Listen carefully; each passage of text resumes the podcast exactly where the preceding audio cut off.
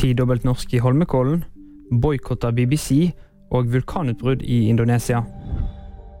Simen Egstad Krüger vant femmila i Kollen. Lynløperen slo knaller tilbake etter å ha blitt vraket til VM-femmilen og rykket ifra Hans Christer Holund like før mål. Femmila gikk uten flere sterke utlendinger.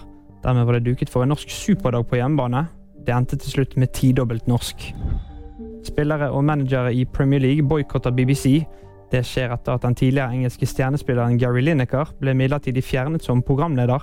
De tolv klubbene som spiller i dag, skal ha fått beskjed av Premier League om at de ikke skal få forespørsler til Match of the Day-intervjuer. Fredag ble Lineker tatt av skjermen fordi hans bruk av sosiale medier den siste tiden har vært et brudd på BBCs retningslinjer.